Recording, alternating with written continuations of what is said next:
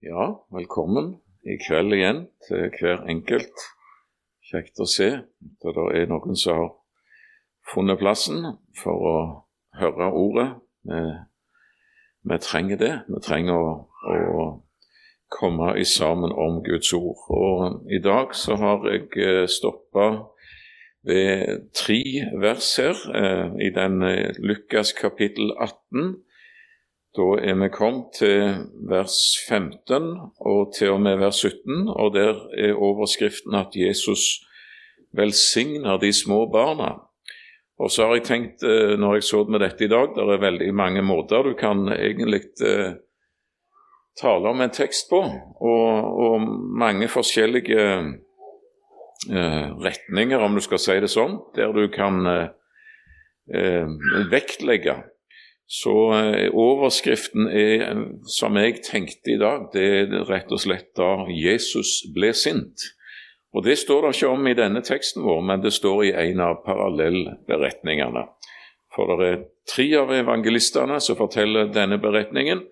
Både Matteus og Markus og Lukas. Og det er alltid fint å få håper jeg, utfyllende kommentarer fra forskjellige evangelister.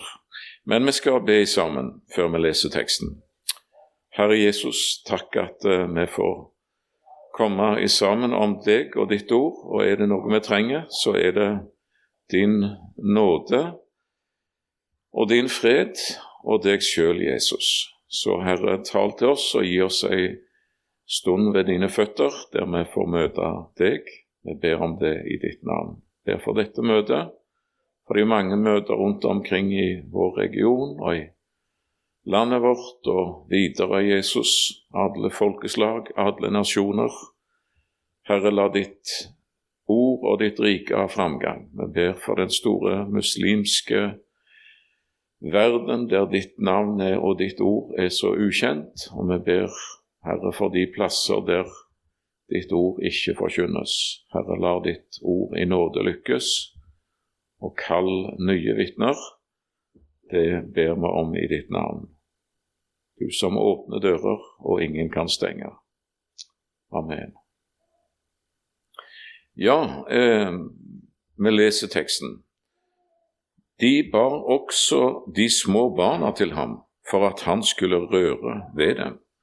Men da disiplene så det, truet de dem. Men Jesus kalte dem til seg og sa, La de små barna komme til meg, og hindre dem ikke, for Guds rike hører slike til. Sannelig sier jeg dere, den som ikke tar imot Guds rike som et lite barn, skal slett ikke komme inn i det. Det er Markus som forteller oss det at da Jesus så det, altså at uh, hans disipler sperra veien og avviste de som kom med de små barn, da ble han harm, står det. Han ble provosert, og han eh, Det opprørte han at eh, hans egne disipler han, eh, Sann Gud og sant menneske og, og følelsesmenneske. og han opprøres når han ser dette, at det der står disiplene. De har stilt seg imellom han og, og flokken, mødre og fedre, for det står faktisk et, eh, et hannkjønnsord i denne sammenheng som forteller at det var ikke bare mødre og kvinner som bar sine barn, men det var mannfolk òg der som var med i dette. Og, eh, og, så står disiplene som en sånn mur, eh, en livvakt rundt omkring Jesus. Da ble han harm. Så jeg tenker på det at i grunnen så kan en veldig godt forstå eh, disse disiplene. Kanskje skal vi ikke være for harde med dem. Jesus har rett til å bli harm, eh, og det er jo ikke først og fremst på sine disipler, men det er på det som skjer. Men jeg kan jo tenke meg at det var, det var i kjærlighet gjort. At de, disse disiplene Nå var Jesus på vei til Golgata, til korset. Han visste det, og det lå som en byrde på han. Og i dette kapittelet så igjen gjentar han for sine disipler at uh, han skal lide og han skal dø, og dette. Så, så jeg er sikker på at disiplene merka det, at det lå en, en, sorg og en byrde over Jesus på denne siste reisen imot Golgata. Og de så òg hvor sliten han var. Alle menneskene som omga han, for han var menneske, og han er menneske. Og i den, i den tiden han var her på jord, jo, han kunne bli både sulten og sliten og alt dette. Det leser vi jo om i Skriften.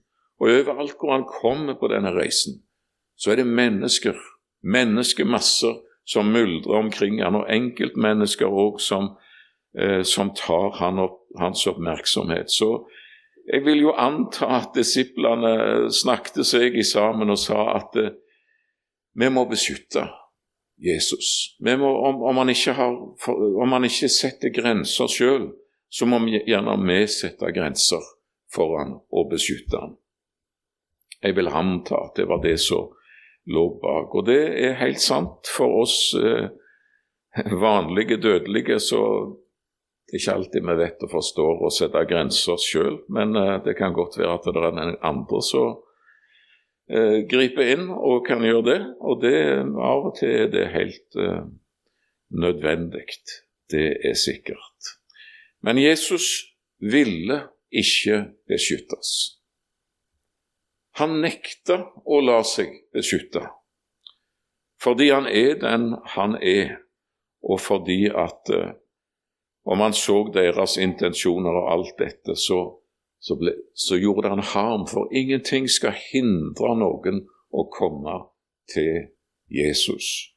Det er ingen han vil avvise, og alle er alltid velkommen til Jesus da Jesus ble sint. Det er overskriften eh, i dag. Og så eh, er det de som har spurt kan Jesus bli sint. Ja, det er det ikke tvil om. Og Faderen, Sønnen og Ånden, treenigheten, de er ett.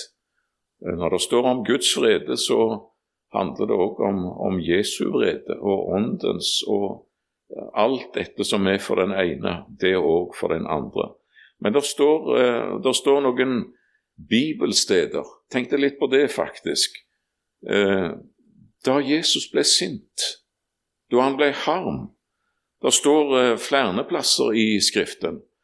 Enten står direkte at han ble harm, eller vi, vi leser det som skjer, og forstår at det her er det, her er det harme.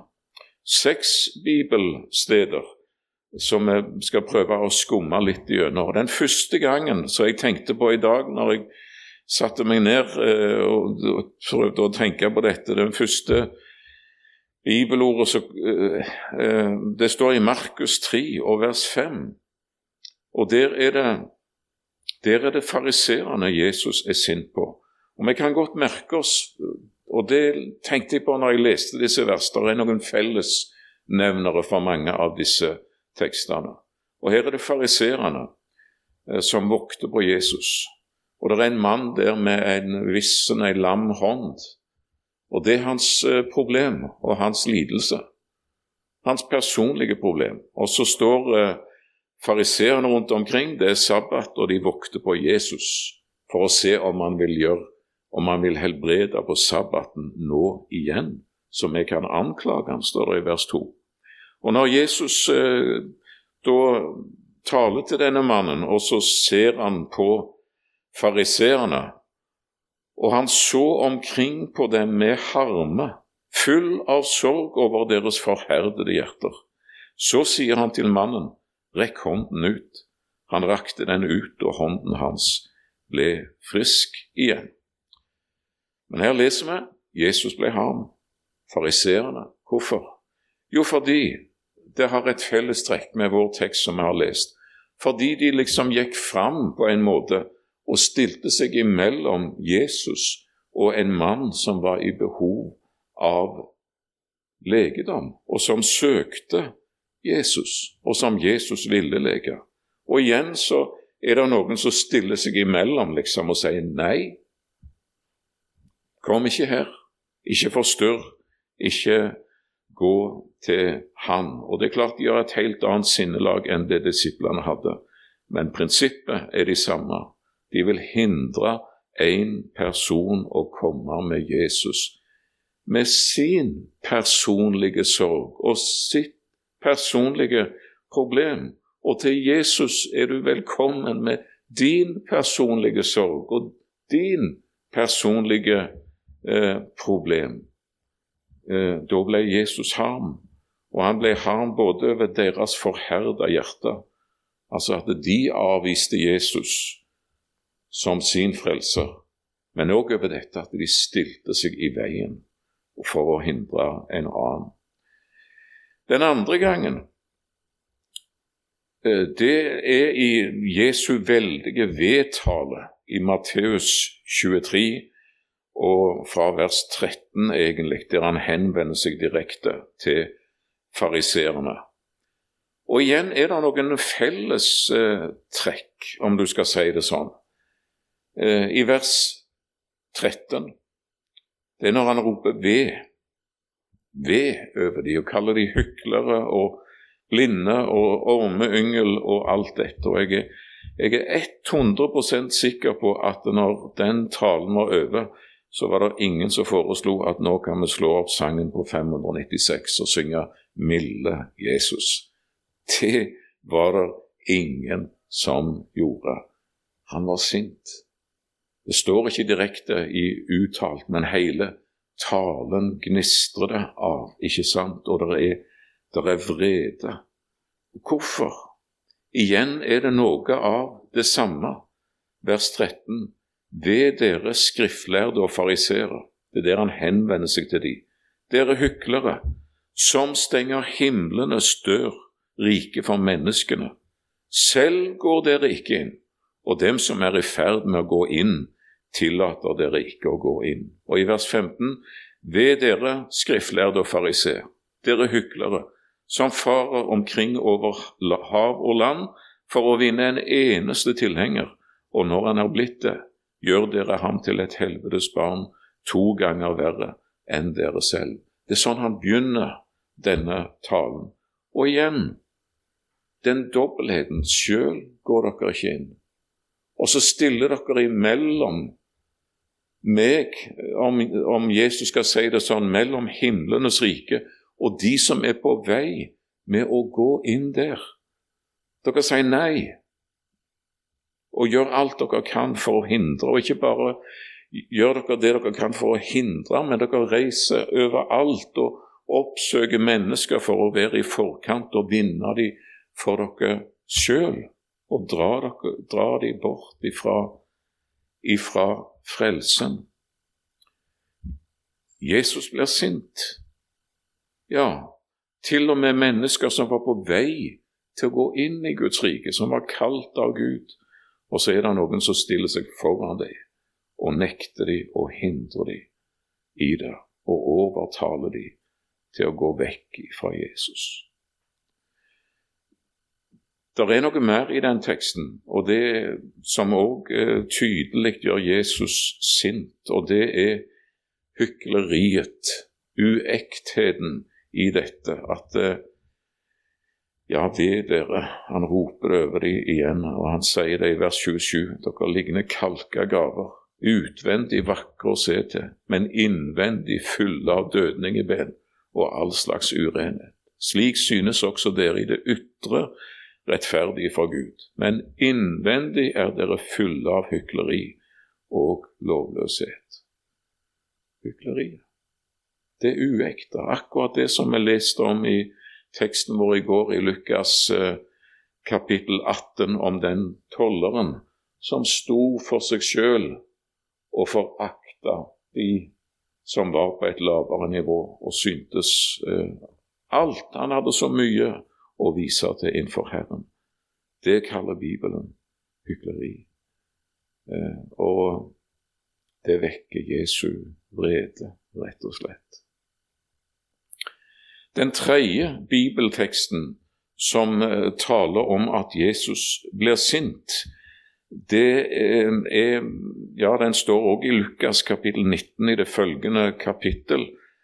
Uh, altså vers uh, eh, 45 og ut gjennom.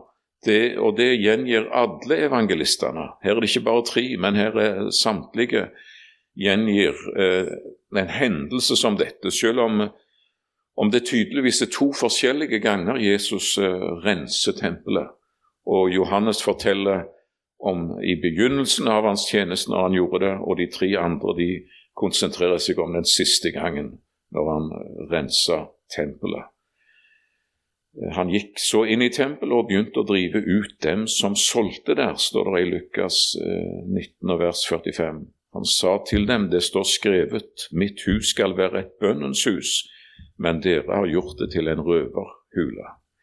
Nei, det står ikke at han ble sint, eh, tydelig presisert, men er du i tvil om at han var det, når, eh, som Johannes sier, han lager seg ei svepe, når han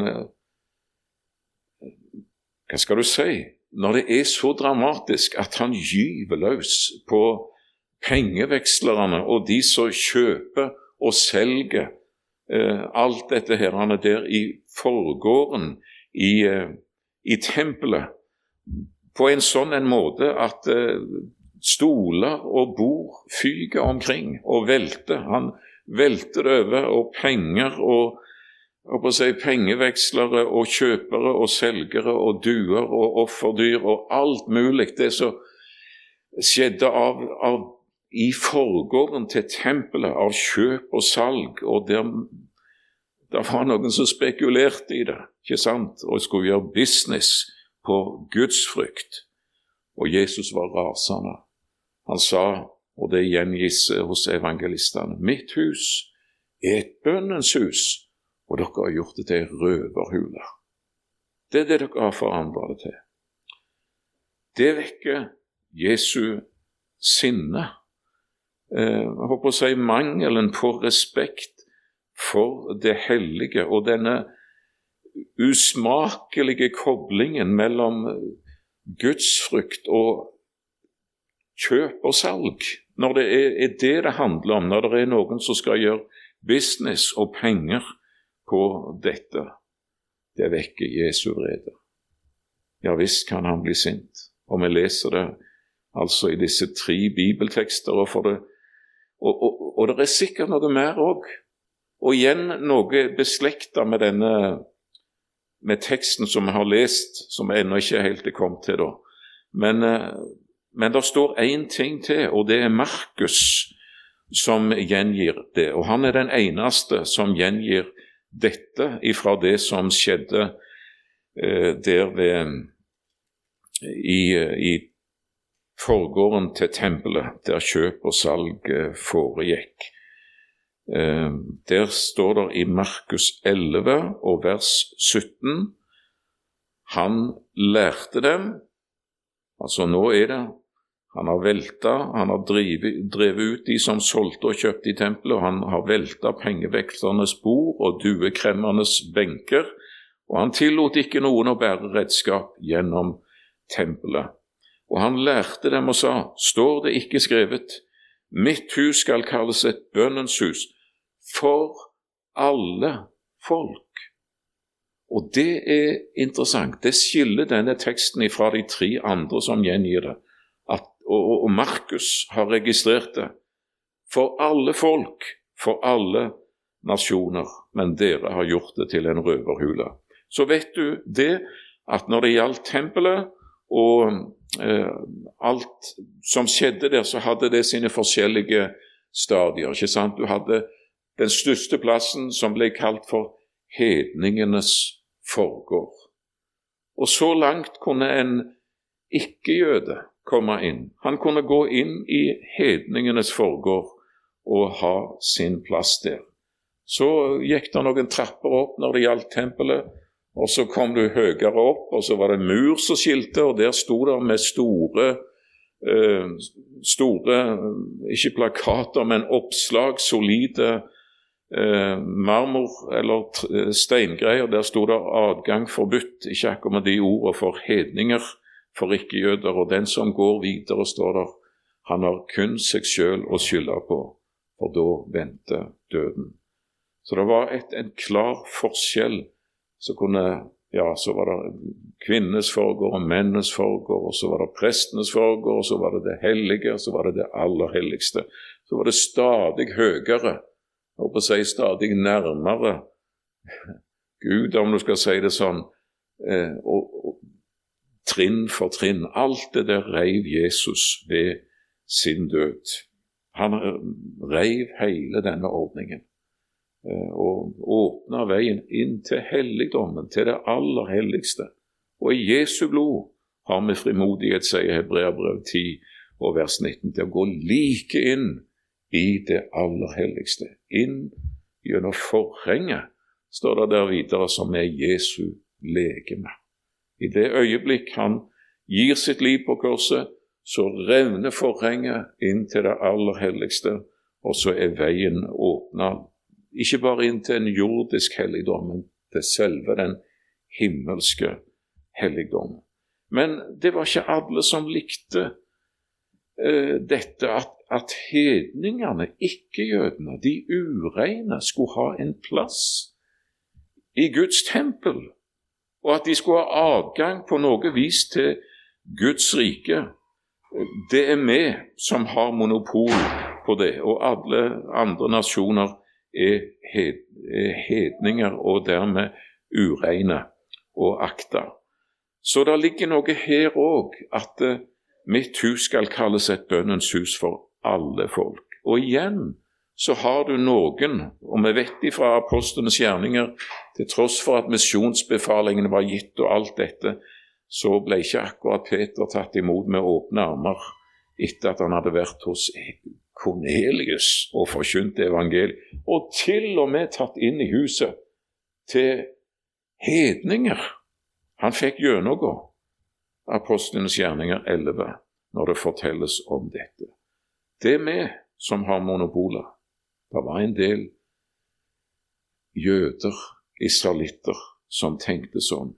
Og igjen, Jesus blir sint i tempelet. Han blir sint over Eh, røverhuler som Guds hus er gjort til, men òg over dette at det er noen som stiller seg imellom han og ikke-jødene og sier at det er bare for oss. Ikke sant? Skal ikke drives misjon, egentlig. Nasjonene, hedningefolket, det er jo vi som ikke er jøder av avstamning. De skal ikke ha noen rett på noe evangelium. Jesus blir sint av en sånn en holdning. For evangeliet, det skal til alle folkeslag og til alle mennesker. De er elska, og de er kjøpt av Gud. Eh, den fjerde teksten om Jesu harme med Ja, tiden den går, vet du. Eh, men det er den vi har lest ikke sant, fra Lukas kapittel 18, og det er når, når de bærer. Og igjen så er det dette at det er noen som stiller seg imellom Jesus og mennesker og, og vil nekte de adgang. Og de har så gode intensjoner, disiplene. Når uh, de kommer, disse som bærer, de små barn. Stopp, sier disiplene. Det er ikke han har ikke tid, han er utslitt. Vet dere hvor lenge vi har vært på reise, og hvor langt vi har gått nå?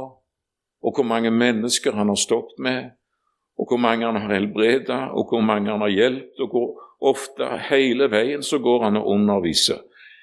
Eh, adgang forbudt. Da blir Jesus sint, og man ser deres gode intensjoner, og han kalte på dem, står det, på de som bar de små barn. Så han sa til dem, kom, kom, ikke hør på mine disipler, kom til meg. Og så uttalte han disse ord, eh, la de små barn komme til meg, og hindre dem ikke. Det sa han til sine disipler. Det, vi, det går vi forbi. Og så går vi til Det gamle testamentet. For der står det òg om når Sønnen blir vred. Når Jesus blir vred. Salme 2. Den tenkte jeg på i dag. Eh, en av de messianske salmer, en av de som handler om mesteren. Og her blir han sinte på jordens konger og fyrster. Hvorfor larmer hedningene?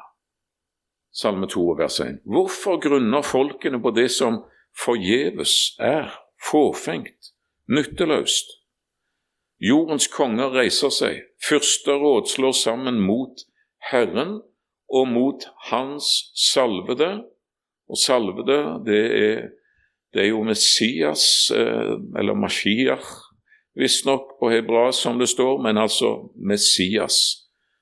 Eh, og her er det jord, konger på jord og mektige mennesker, fyrster og folkeledere, og de reiser seg imot Herren og mot Hans salve, og de sier, la oss sprenge deres bånd og kaste deres rep av oss. Ja, så vet du at Herren ler eh, når han hører det. Men samtidig så står det i vers 12 eh, videre i denne messianske salmen som der Herren taler om sin salvede, og som han har innsatt som konge på Sion, mitt hellige berg, der Golgata ligger. Når han sier 'Du er min sønn, jeg har født deg i dag'. Og så står det, for å gjøre det kort, i vers 12, 'Kyss Sønnen'. Hvem sønn? Jo, han som troner i himmelen. Så da står vi i vers 4. Kyss Hans Sønn, Herren og Hans salvede, for at Han ikke skal bli vred, og dere gå til grunne på veien. For snart kunne Hans vrede bli opptent. Salig er alle som tar sin tilflukt til ham. Sønnens vrede. Og denne gangen er det retta, og igjen det er denne dobbeltheten.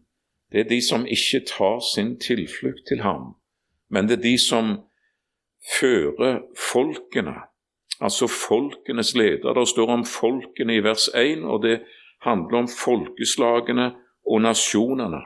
Og de er ledet av konger og fyrster og mektige som slår seg sammen og rådslår og blir enige om dette, at vi vil ikke ha noen med, med den såkalte Herren å gjøre.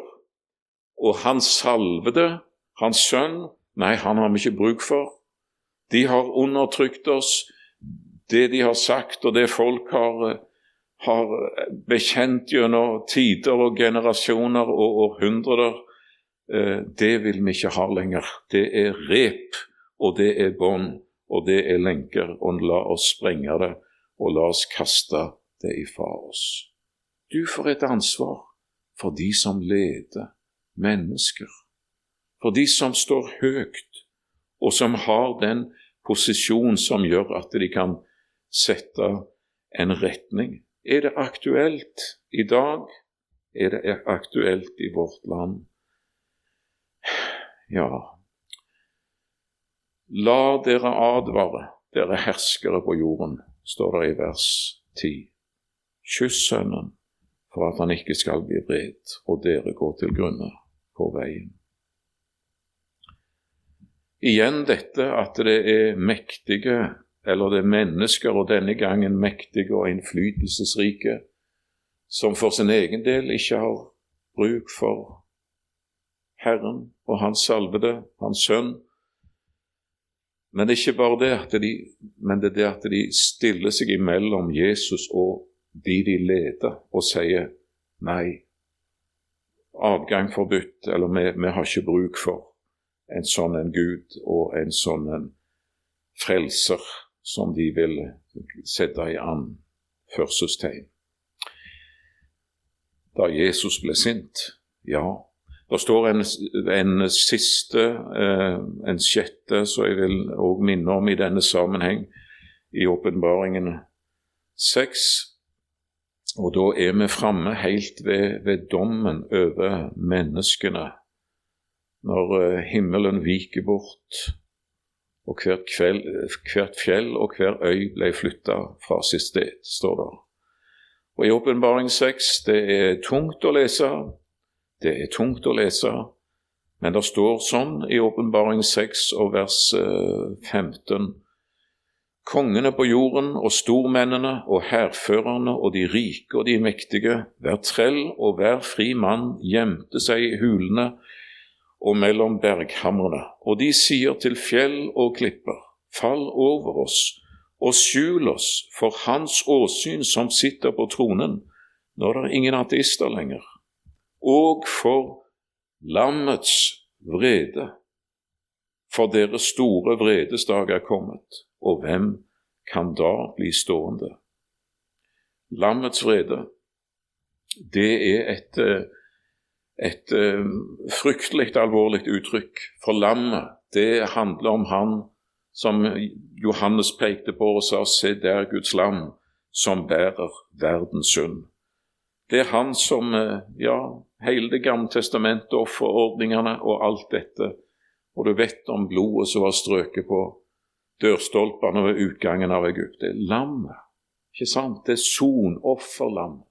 Det er han som tar på seg en hel verdens synd og skyld og tar dommen for det.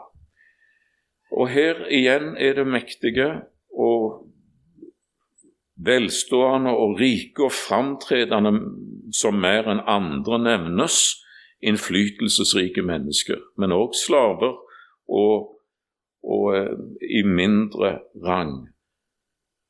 Nå står de for den Gud som er hellig, og de står for lammet, han som har gitt sitt liv for dem. Men disse menneskene har det til felles. De hadde ikke bruk for ham. De, eh, de sa nei takk til hans frelse, og nå finnes det ingen plass å gjemme seg lenger. Ingen plass å komme unna lammets vrede.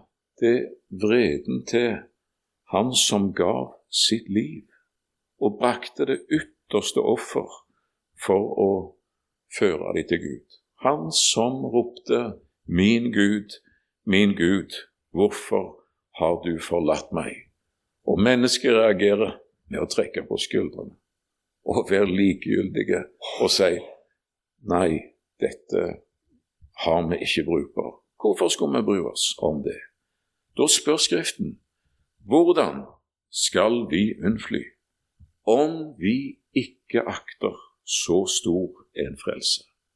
Når Guds sønn har gjort alt og gitt sitt eget liv og blod for å frelse dere, og dere ikke akter det verden noen ting. Det vekker lammets vrede. Ja,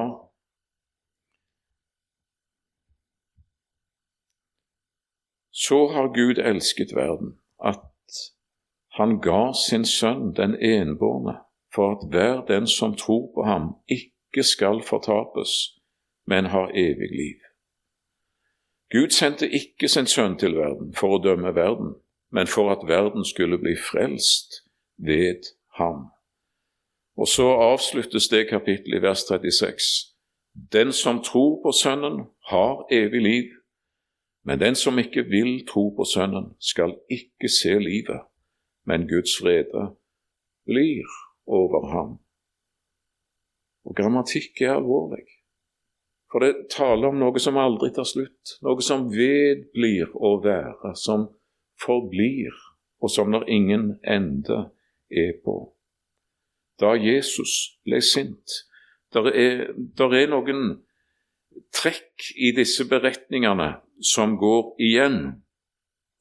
Hans vrede rammer de som sjøl avviser hans frelse. Rammer hykleriet, falskheten og det å ville gjøre money på det som er hellig, og forakte det hellige.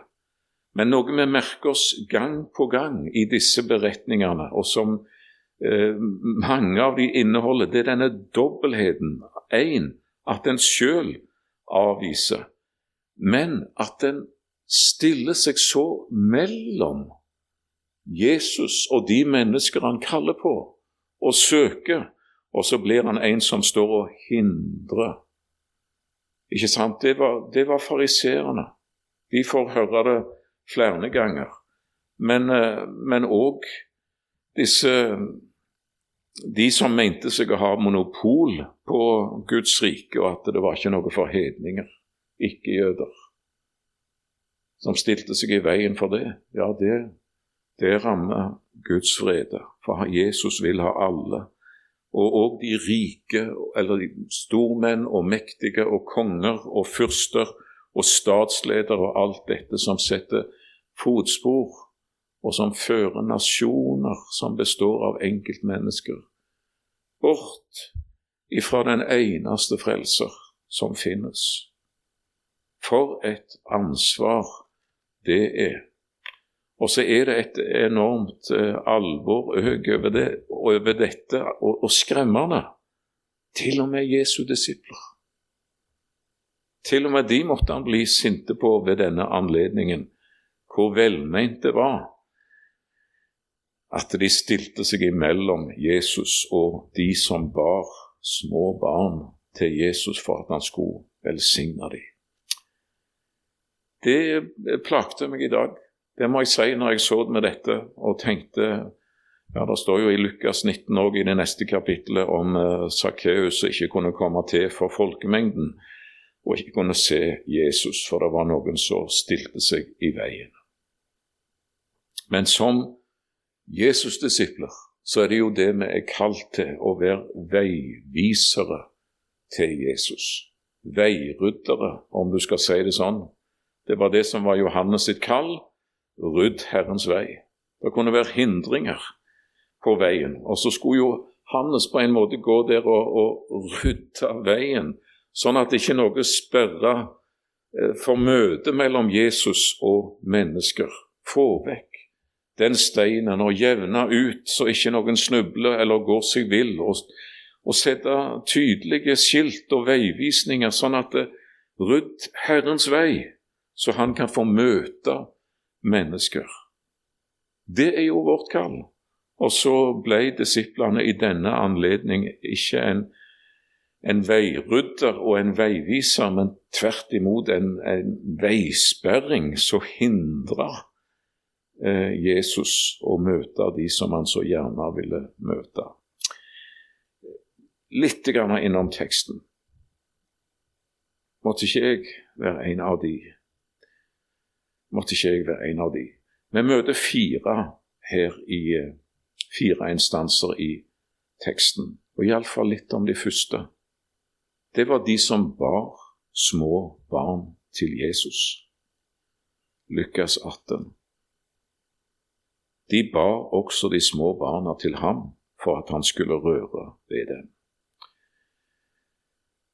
For at Jesus skulle velsigne dem, for at han skulle ta dem opp på fanget, som Markus sier, og legge sine hender på dem og velsigne deres små barn. Det er klart det ligger oss aller mest på hjertet. Det gjelder våre, både barn og barnebarn og videre, ikke sant? Og velsigne være alle veivisere til Jesus. Alle de som bærer små eller store mennesker til Jesus, og det og om å gjøre for dem at eh, de må få møte Jesus og få leve et liv under hans velsignelse og være i kontakt og bli berørt av Jesus, ja, og få lov til å være i hans hender. Velsigne alle mennesker som er opptatt av det å pære andre til Jesus. Jeg har møtt noen av dem. Jeg takker Gud for dem på bedehuset, og jeg takker Gud for foreldre. Og jeg vet at det jeg vet at min oldefar var ikke noe glad i misjonssamfunn, eller i Kinamisjonen, som det het på den tid, for da var Kinamisjonen splitter ny, og han var ikke glad i, i, i dette nye. Han var skeptisk Vanari, Han var glad i Jesus. Det er lukka at uh, Guds rike er mye større enn misjonssambandet. Uh, og han var litt bedrøvet over det at han så sine gå inn i denne nye, uh, sprelske, uberegnelige retningen som kom på bedehuset som et stormvær. og snudde opp ned på mange ting. Ja, sånn var det på den tid. Bekymra seg over sangene de valgte, faktisk. Det vet jeg ikke spesielt om min bestefar, men det vet jeg at det ble rapportert fra Ryfylke og Rogaland om, om dette, disse sangene vi har i sangboka i dag. Nei, de likte bedre de gamle salmene. Eh, så det var én ting. Men mine besteforeldre de gikk inn i Og jeg husker så vidt bestefar, men jeg husker bestemor. Det gjør jeg. Jeg husker hun så de stua hjemme på sine gamle dager og spøte, som de kalte det. Og igjen og igjen hviska navnet Jesus. Inderlig. Det gjorde inntrykk på en ung gutt, for det var så ekte. Hun registrerte ikke meg eller andre som gikk rundt omkring der. Hun var alene med sin frelser, og hun ja, hun, lå, hun ble besøkt av ei venninne når hun lå på det aller siste. Og hun gikk, denne venninna sa, gikk inn og kom inn til henne og sa ja, Olava, nå ligger du her. Ja, svarte min bestemor, jeg ligger her og lytter etter lyden av hans trinn. Hun venta på Jesus, og det kunne merkes. Det kan jeg fortelle at det kunne merkes. Og det var et lysskjær av og til i det rommet som jeg iallfall ikke har funnet noen forklaring på etterpå. Og hun fikk leve til å se vår førstefødte, og vi kunne bære han inn til henne før, uh, før hun trakk sitt siste sukk. Og igjen, hun tok imot dette vesle barn, og hun glemte alt rundt seg i dette jeg håper å si, Himmelen fylte det sykeværelset og det sykerommet når hun velsigna, velsigna dette vesle barn, vår førstefødte. For en rikdom! Mine foreldre. Ikke syndfrie og ikke perfekte, men de, de Å, velsigne alle som bærer mennesker til Jesus. Det er det vi er kalt til å gjøre.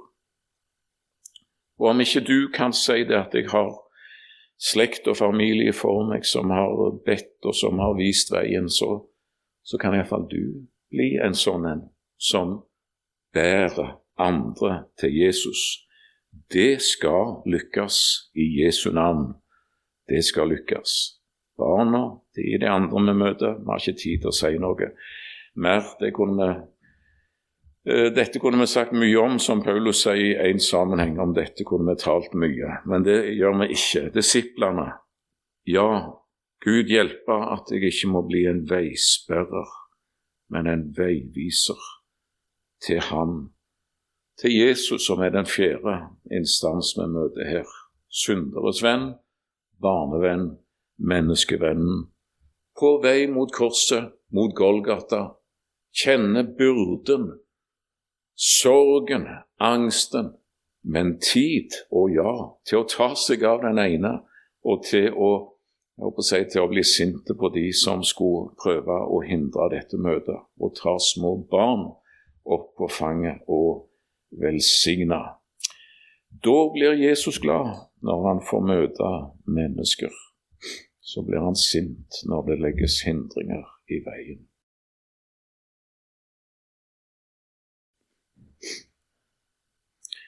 Ja, himmelske Far, vi takker deg for uh, ditt ord. Takker deg fordi den, du er den du er. Du er så mild. Du er så varm imot de som kommer til deg. Og så leser vi òg om vrede over mennesker du elsker, som ikke vil ha med deg å gjøre, og ikke syns de har bruk for deg. Herre Jesus, kunne vi få være veiryddere og veivisere òg for noen sånn noen, og så vet du Jesus at vi tenker mer enn noe annet på, på våre.